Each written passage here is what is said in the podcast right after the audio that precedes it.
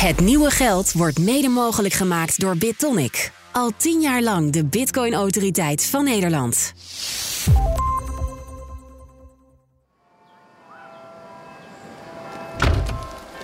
Op 18-jarige leeftijd word ik door mijn moeder afgezet op het Janskerkhof in Utrecht. Iets wat zenuwachtig loop ik naar het grote, gele, kasteelachtige gebouw aan de overkant van het plein.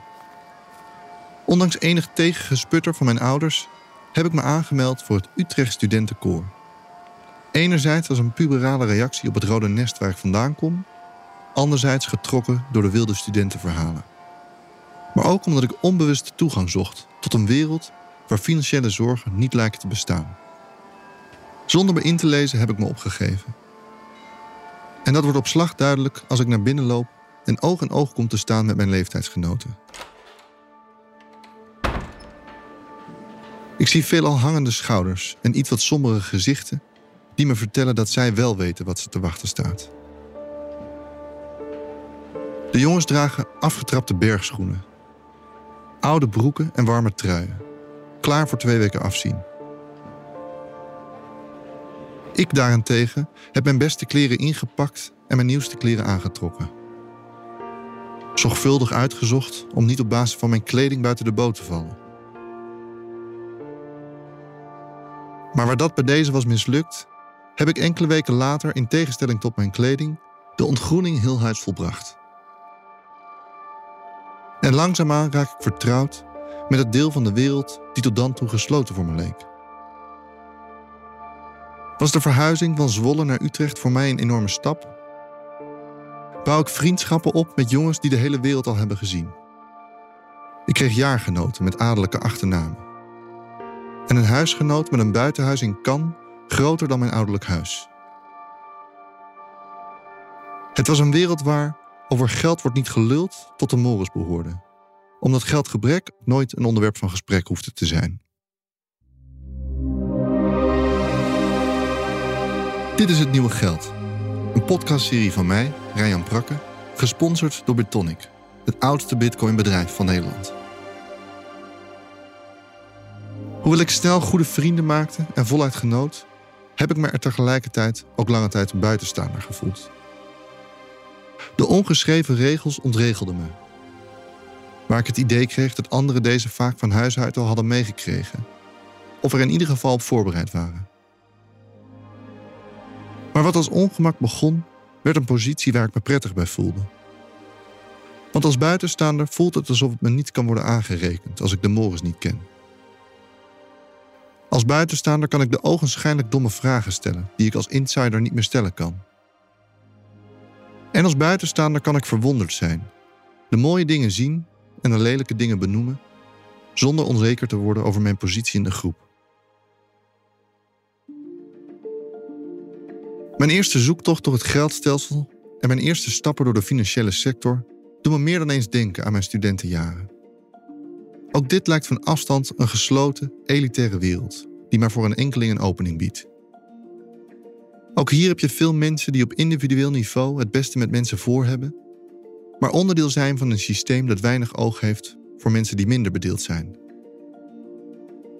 Maar zowel het koor en de financiële sector kunnen rekenen op veel en in veel gevallen ook terechte kritiek, weet ik dat de werkelijkheid gelaagder is. Ik stel me daarom als doel door deze hele zoektocht heen niet alleen met buitenstaanders, maar juist ook met insiders te gaan praten.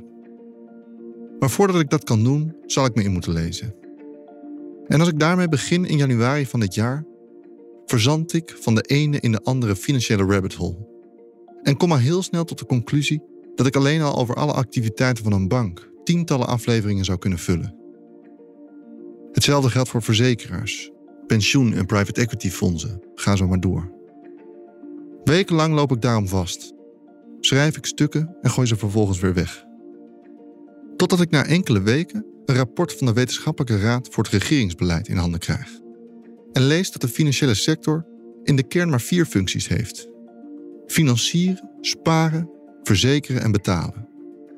Die functies ben ik gaan visualiseren als waterwegen op een landkaart. Als een reiziger vaar ik via de rivieren het land door. Erop vertrouwend dat ik, als ik deze waterwegen heb bevaren, een goed beeld krijg van de financiële sector.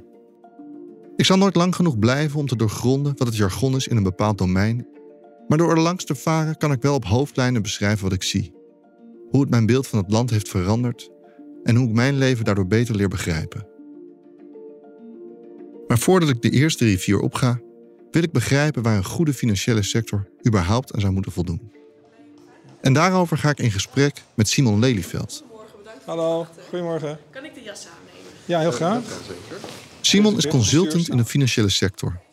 Werkte in het verleden bij de Nederlandse Bank en was ooit hoofdtoezicht van de Nederlandse Vereniging voor Banken.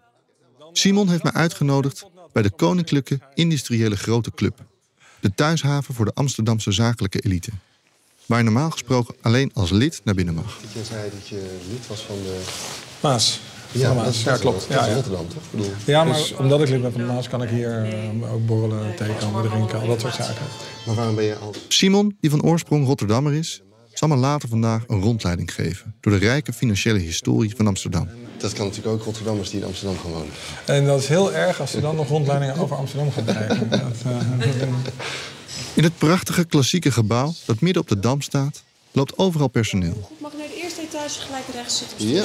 heel goed. En eh, komt er vanzelf iemand bij ons eh, koffie? eh?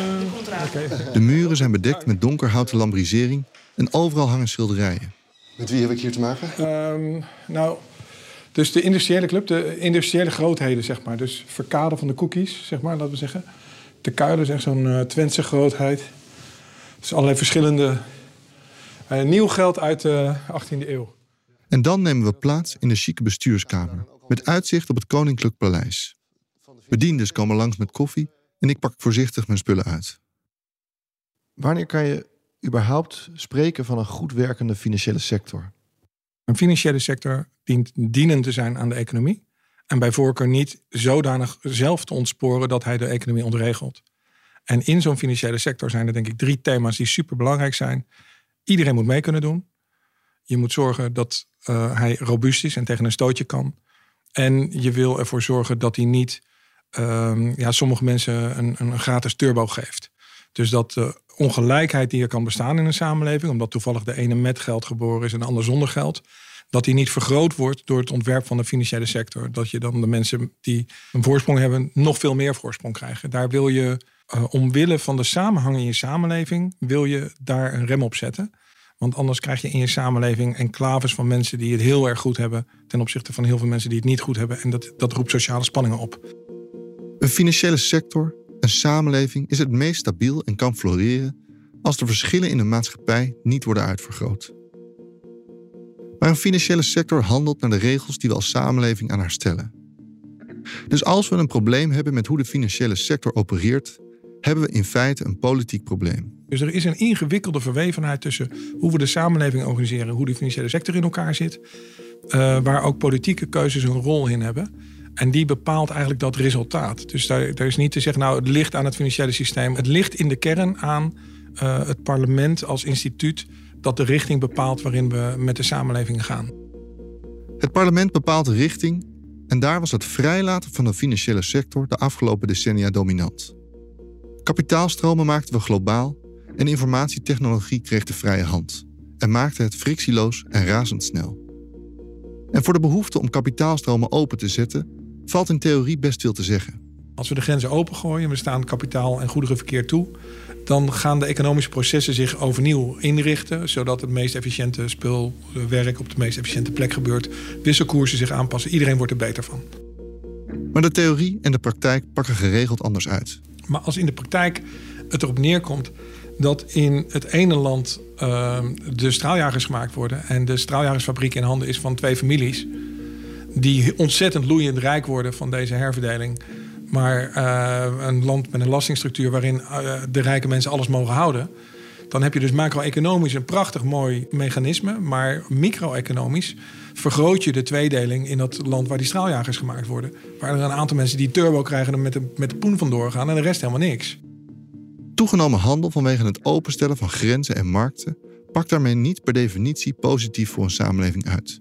De inrichting van een samenleving, de mate waarin de inkomsten en de revenuen van die handel ook eerlijk verdeeld worden in een samenleving, die bepalen eigenlijk of het effect van globalisering positief is. En ik vrees dat als je een analyse maakt, dat in heel veel landen eigenlijk die herverdeling gewoon kapot is. Vrije markten met open grenzen kunnen in theorie positief voor de wereld uitpakken als binnen de grenzen van een land de vergaarde welvaart goed verdeeld wordt.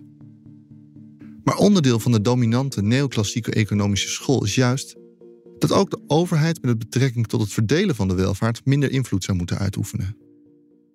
En dat tezamen heeft geleid tot een grote welvaartsverdeling in de westerse economieën. We staan er materieel goed voor, maar qua verdeling van rechtvaardigheid, uh, uh, middelen, toegang, opleiding, wordt er heel veel bevoordeeld voor de mensen die toevallig het geluk hebben dat ze het geld wel hebben. En letten we heel slecht op de mensen die dat allemaal niet hebben. En de kindertoeslagaffaire is daar een voorbeeld van. Dat is eigenlijk het, het, het, de zwarte pagina die aantoont dat uh, joh, je kan aan de Zuid als miljarden voor Russen gaan zitten zoekspelen. Dat maakt niet uit, dat is dan gewoon je werk, daar verdien je heel veel geld mee. Maar als je, uh, als je tante in een ander dorp met een boodschappentas voor een nicht naar binnen komt, krijgt ze straf van de UWV, wordt gekort op de uitkering, want je mag niet zomaar een boodschappentas brengen. En dan ben je er gewoon als land gewoon de weg kwijt. En zo begin ik ons financiële stelsel niet zozeer als een landkaart, maar als een ecosysteem te zien. Als het bovenaan de berg regent, moet het water via bergmeren naar beneden lopen, om ervoor te zorgen dat het ecosysteem intact blijft. Blijft het water liggen in grote bergmeren, dan drogen alle rivieren en het land uit en gaat het ecosysteem kapot. Ik ga daarom op zoek naar de onevenwichtigheden in het ecosysteem die gecorrigeerd hadden moeten worden. En ik laat me door de rivieren meevaren het land door, niet wetende waar ik uitkom. De eerste rivier die ik afga is die van het financieren, of nog specifieker, het financieren met vreemd vermogen. En daarbij begin ik met het meest tastbare voor mezelf. Uh, mijn hypotheek. Lief, weet jij waar die hypotheekpapieren zijn? Op een grijze dinsdagmiddag in december 2017 probeer ik samen met Hanneke, mijn vrouw, de financiering van ons huis te regelen. En daarvoor hebben we een afspraak bij een financieel adviseur. De koop hebben we zonder voorbehoud van financiering laten voltrekken, in de hoop zo de kans van slagen op de overspannen huizenmarkt te vergroten. De druk om de hypotheek binnen zo kort mogelijke tijd geregeld te krijgen is daarom enorm. Op voorhand hebben we hem laten weten dat we met een hypotheekverstrekker in zee willen gaan die bewust omgaat met het milieu. Eventuele meerkosten nemen we op de kop toe. Maar al snel blijkt dat onze financieel adviseur daar anders over denkt. Hij schudt meewarig zijn hoofd, alsof hij een stel pubers voor zijn neus heeft zitten. En geeft ons te kennen dat snelheid de enige overweging kan zijn in dit proces. En dat we tot zijn grote spijt maar een andere manier moeten vinden om goede doelen te sponsoren. Overrompeld en de tijdsdruk voelende stemmen we er met tegenzin mee in dat hij alleen offertes opvraagt bij de drie grootste banken die de financiering naar zijn idee het snelst rond kunnen krijgen. En als enkele weken later de financiering daadwerkelijk gelukt is en we de zorg kunnen parkeren, blijf ik met een dubbel gevoel achter. Hoe kan het zijn dat ik het grootste contract in mijn leven onder druk heb moeten tekenen, zonder dat ik de tegenpartij überhaupt in ogen heb kunnen kijken? Met welk bedrijf heb ik zaken gedaan? Wat doen ze met mijn hypotheek? De bank is niets meer dan de app op mijn telefoon, die ik eens in de paar maanden open om te bekijken of alle overboekingen nog steeds geautomatiseerd zijn. Ze is niets meer dan data, eentjes en nulletjes. En om daar verandering in te brengen, sta ik in maart voor het hoofdkantoor van de ING in Amsterdam, te zoeken naar de ingang. Hallo, hallo. Hey. Hey, hey. Hoi. Peter Kuipers. Jan, hoi. Hey, Jan, hoi. Hoi, hoi. Ja, sorry dat je even rond moest lopen, want ik, wij wisten het zelf ook. Nee, eh, nee. Via een lange omweg ben ik in contact gekomen met Daan Heijbroek, de woordvoerder van de ING.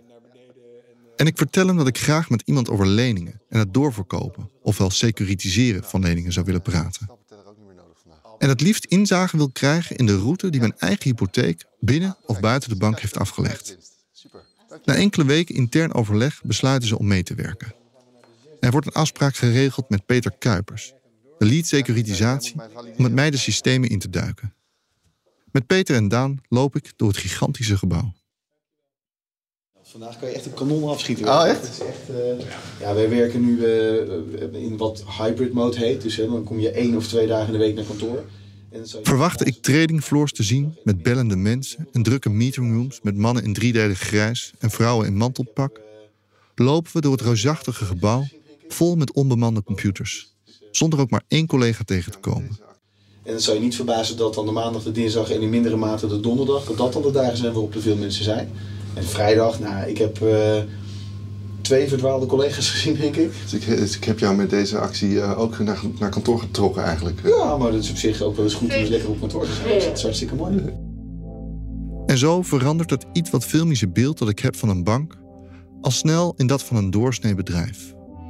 Eenmaal aangekomen op de plek waar we achter de computer plaats zouden nemen, volgt de eerste kleine tegenslag. Als het echt gaat over jouw hypotheek, hè, want je Ja. zei natuurlijk van het lijkt me hartstikke leuk om eh, te kijken welke reis mijn hypotheek Ja. heeft gemaakt binnen ING en binnen misschien wel allerlei transacties. Ja.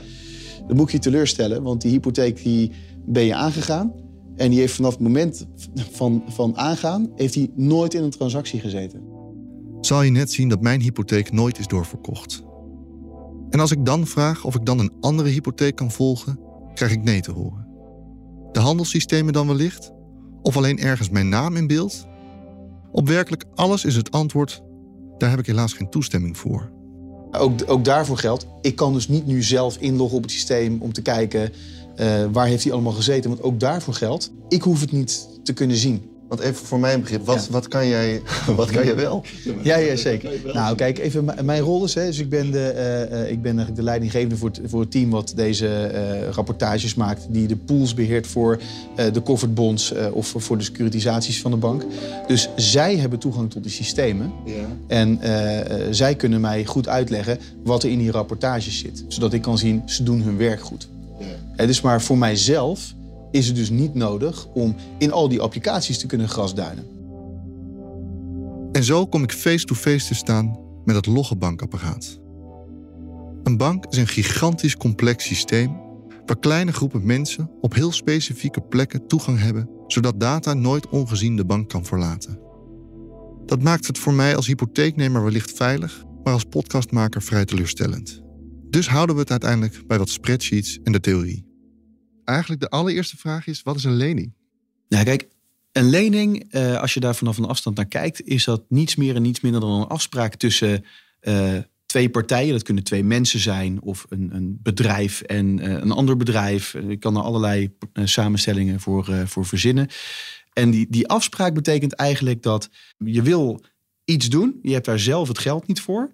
En je vraagt aan iemand anders, help mij, leen mij dat geld. Je krijgt het over een tijd terug en ik betaal jou een rentevergoeding omdat je wat risico loopt, maar ook omdat je zelf een tijd niet over dat geld kan beschikken. En dat is eigenlijk in de basis wat een lening is. Een lening stelt je in staat om uitgaven te doen die je eigenlijk pas in de toekomst had kunnen doen. Het risico dat je niet kan terugbetalen, daar zit een prijs op, de rente. Daarbinnen heb je leningen zonder onderpand, meestal consumptief krediet, en leningen met onderpand, zoals een hypotheek. Het onderpand verlaagt het risico voor de bank en verhoogt het risico voor de hypotheeknemer. Als je je hypotheek niet meer betaalt of kunt betalen, dan kan de bank op een bepaald moment zeggen: dan moeten we de hypotheek, dus de lening, gaan uitwinnen. Want je bent niet meer in staat om aan je verplichtingen te voldoen. En dan wordt het huis verkocht. En met de opbrengst van het huis wordt dan de hypotheek en de achterstallige rente worden dan alsnog betaald. Dus daar zit wel onderpand onder. En daarom zie je ook dat de hypotheekrente doorgaans een stuk lager is dan de rente op een consumptief krediet zonder onderpand. De internationale hypotheekmarkt is veruit de grootste vermogensmarkt ter wereld. En is daarmee ook de grootste bron voor leningen. En dit systeem, waarbij veruit het grootste deel van de leningen worden verstrekt op basis van onderpand, is een van de onevenwichtigheden die ik denk te zien. En daarover praat ik met Arnoud Boot. Ja, met u ook? Ja, alles goed? Ja, zeker, zeker. Arnoud is hoogleraar financiële markten en corporate finance aan de Universiteit van Amsterdam. Daarnaast is hij als hoofd van de Wetenschappelijke Raad voor het Regeringsbeleid verantwoordelijk voor verschillende onderzoeken over financialisering. Kunnen wij in een van die zaaltjes? Want zou het vorige keer ook, geloof ik. Waar het vorige keer beneden? Het gesprek dat ik vorig jaar met hem voerde in de laatste aflevering zet er voor mij zoveel in perspectief dat ik hem dit keer graag eerder in mijn zoektocht wilde spreken. Wederom nemen we plaats in de donkere collegezaal van het universiteitsgebouw. In hoeverre klopt het dat je naarmate je meer onderpand gegeven hebt, je ook meer kan lenen? Ja, ja nee, zeker. Uh, onderpand maakt het makkelijk om leningen te krijgen. Uh, als je rijk bent, is het makkelijker om leningen te krijgen. Uh, daar gaat het misschien niet eens zozeer over onderpand. Het feit dat je rijk bent, is natuurlijk ook al zo'n onderpand.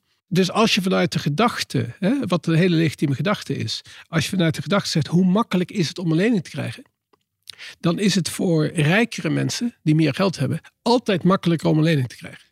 Ja, werkt het dan niet in de basis al welvaartskloof vergrotend, zeg maar? Zeker, zeker. Op het moment dat je een financieel systeem krijgt wat belang heeft bij volume, meer leningen, is meer geld verdienen, of meer doorverkopen, krijg je vies op, et cetera. Op dat moment versterk je de kloof want ja, zeker, naarmate je meer geld hebt, is het makkelijker om leningen te krijgen.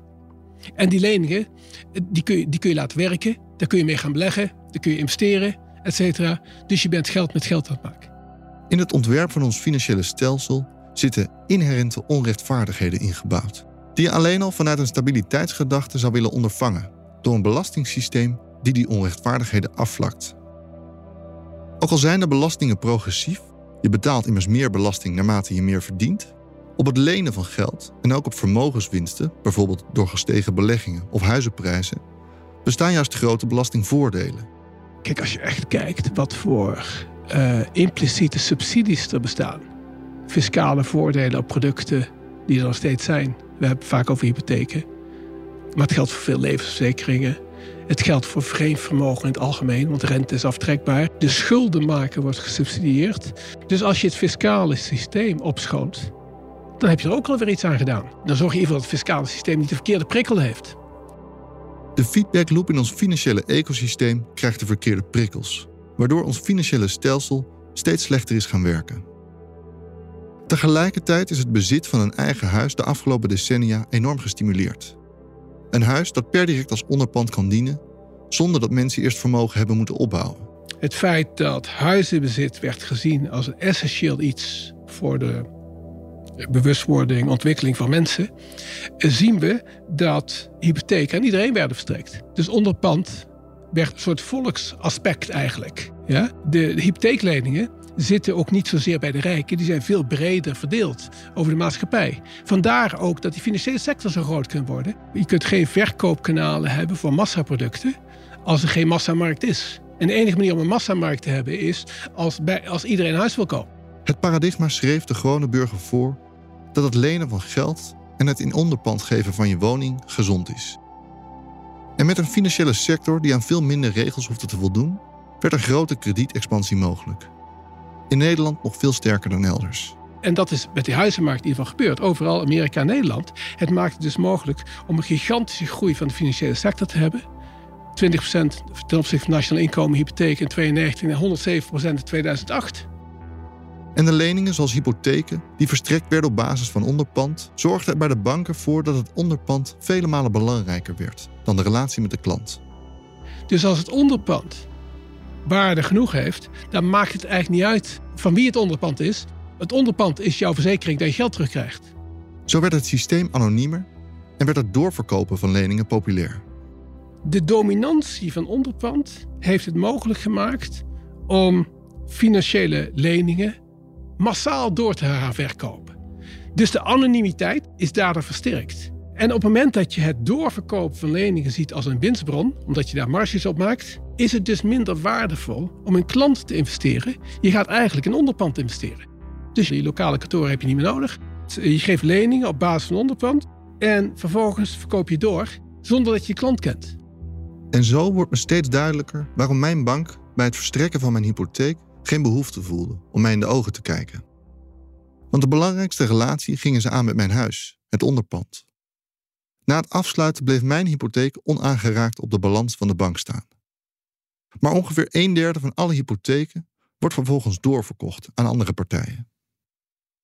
Een van de meest voorkomende technieken die daarvoor gebruikt wordt, is securitiseren. Securitiseren is dus een vorm waarmee een bank goedkoop financiering kan ophalen. En waarom is die financiering goedkoop? Uh, omdat je onderpand geeft aan degene die jou dat geld leent. Securitiseren is de manier voor een bank om geld te lenen. En een bank leent geld omdat ze met het geld nieuwe leningen aan anderen kunnen verstrekken. Het verschil tussen de rente die ze zelf betalen en de rente die ze vragen aan de hypotheeknemer is waar ze geld mee verdienen. En wat securitisatie eigenlijk doet, is gaat niet zeggen individuele hypotheken aanwijzen en ik ga daar iets met ingewikkelde zekerheidsconstructies op doen. Maar die zit eigenlijk, ik zet een pot apart en ik ga de geldstroom uit die pot hypotheken, die ga ik gebruiken om de lening die ik aanga een stukje af te lossen en een stukje rente te betalen. En daar maak je dan eigenlijk gebruik van een stukje van de rentestroom die uit die portefeuille komt. Met securitiseren worden leningen samengevoegd en in een BV gestopt.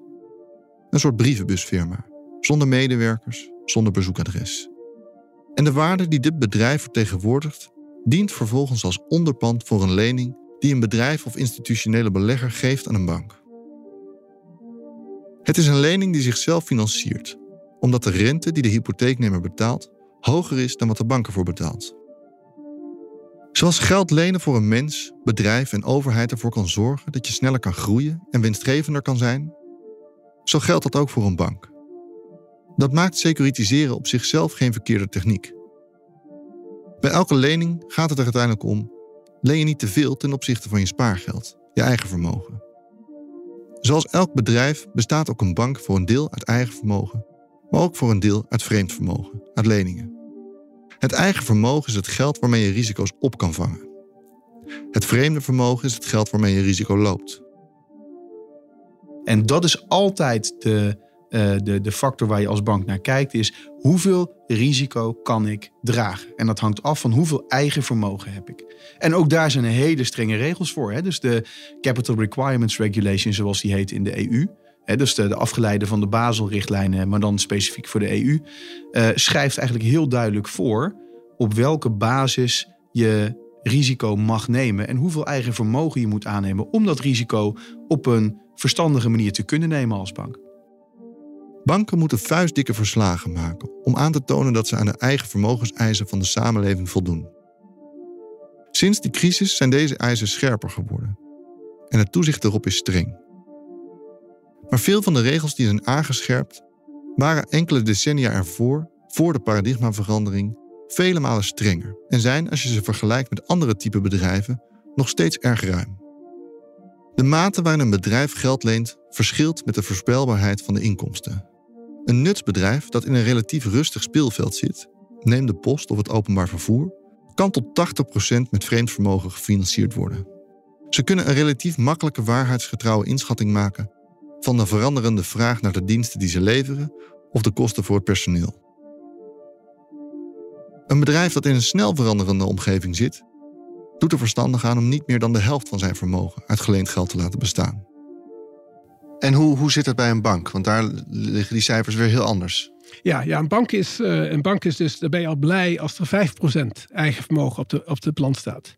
5% eigen vermogen. Dus 95% vreemd vermogen. Dat is, wat een, dat is wat een bank is.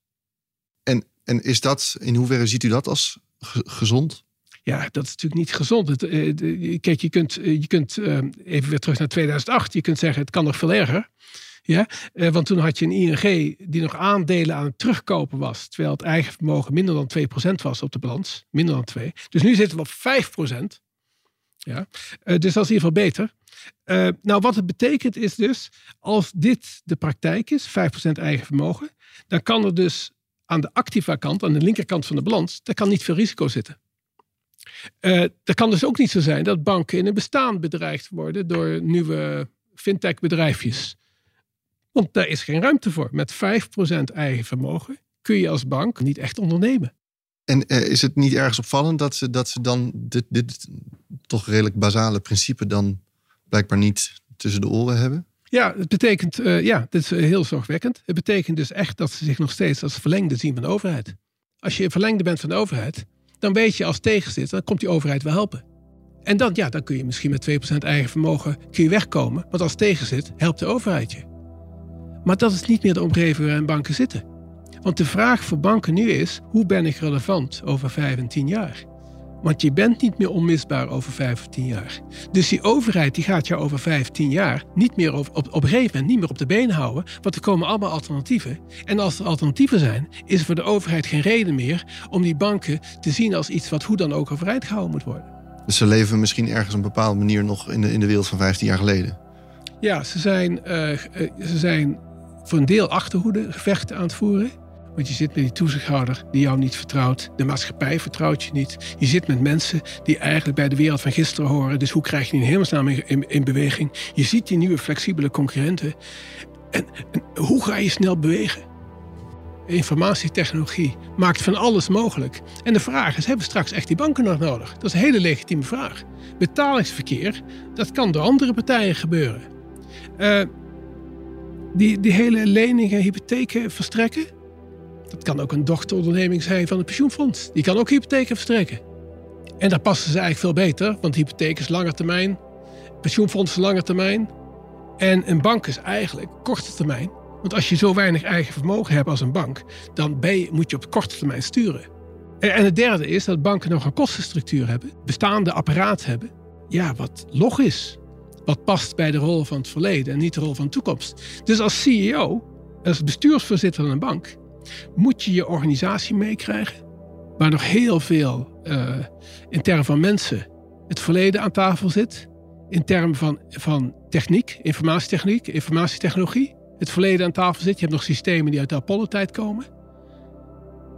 Daarmee moet je concurreren met allerlei nieuwe spelers. Ja, en dan heb je nog die toezichthouders. Die, uh, die om de havenklap langskomen en vragen hoe het, hoe het met alles staat. Zoals wel vaker met elites het geval is, leeft ook de bankier nog te veel in de wereld van gisteren. De wereld waarin de macht bij de sector lag, de inkomsten stabiel waren en de toekomst voorspelbaar was.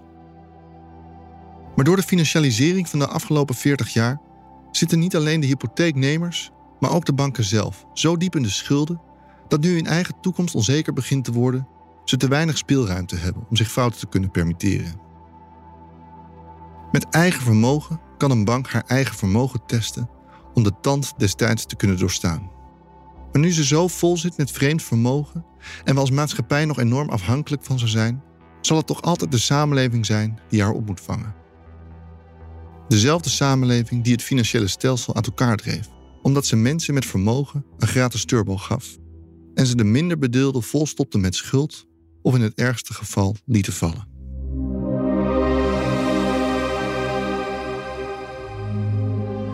Het Nieuwe Geld is een co-productie van BNR en New Narrative. Gefinancierd door onze weergeloze sponsor Betonic. Wederom hebben ze het aangedurfd om deze zoektocht met ons aan te gaan, zonder te weten waar we uitkomen. Wil je meer horen? Elke vrijdag verschijnt er de komende zeven weken een nieuwe aflevering in je favoriete podcast-app. Volgende week duik ik in de wereld van het financieren met eigen vermogen. Wanneer dat collectief zeer intensief eh, de fusie- en overname-markt opgaat, en jij gaat niet die markt op, bijvoorbeeld omdat je heel erg eigenwijs bent, word je afgerekend door de steunpilaren van uh, dat verschijnsel. En dat zijn de financiële partijen die daarin betrokken zijn. Ik ben veel dank verschuldigd aan alle economen, bankiers, onderzoekers en journalisten die belangeloos aan deze podcast hebben meegewerkt. De muziek en het sounddesign is gedaan door Joshua Petit, Jelle Houbé en Marie Koning. De eindredactie is in handen van Eline Ronner en Wendy Beenakker. Wil je dat meer mensen deze podcast horen? Laat dan alsjeblieft een recensie achter in je favoriete podcast-app en deel hem op alle mogelijke kanalen. Dat helpt enorm. Het nieuwe geld wordt mede mogelijk gemaakt door BitTonic. Al tien jaar lang de Bitcoin-autoriteit van Nederland.